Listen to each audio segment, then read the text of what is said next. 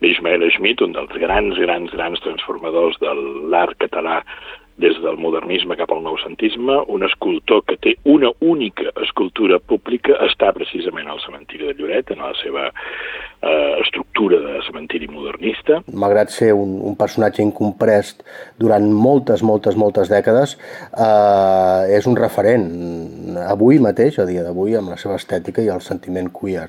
No, sens dubte, és, és, és, molt, és, un, és un artista super, super, super eh, actual, i que, a més, eh, molt polifacètic.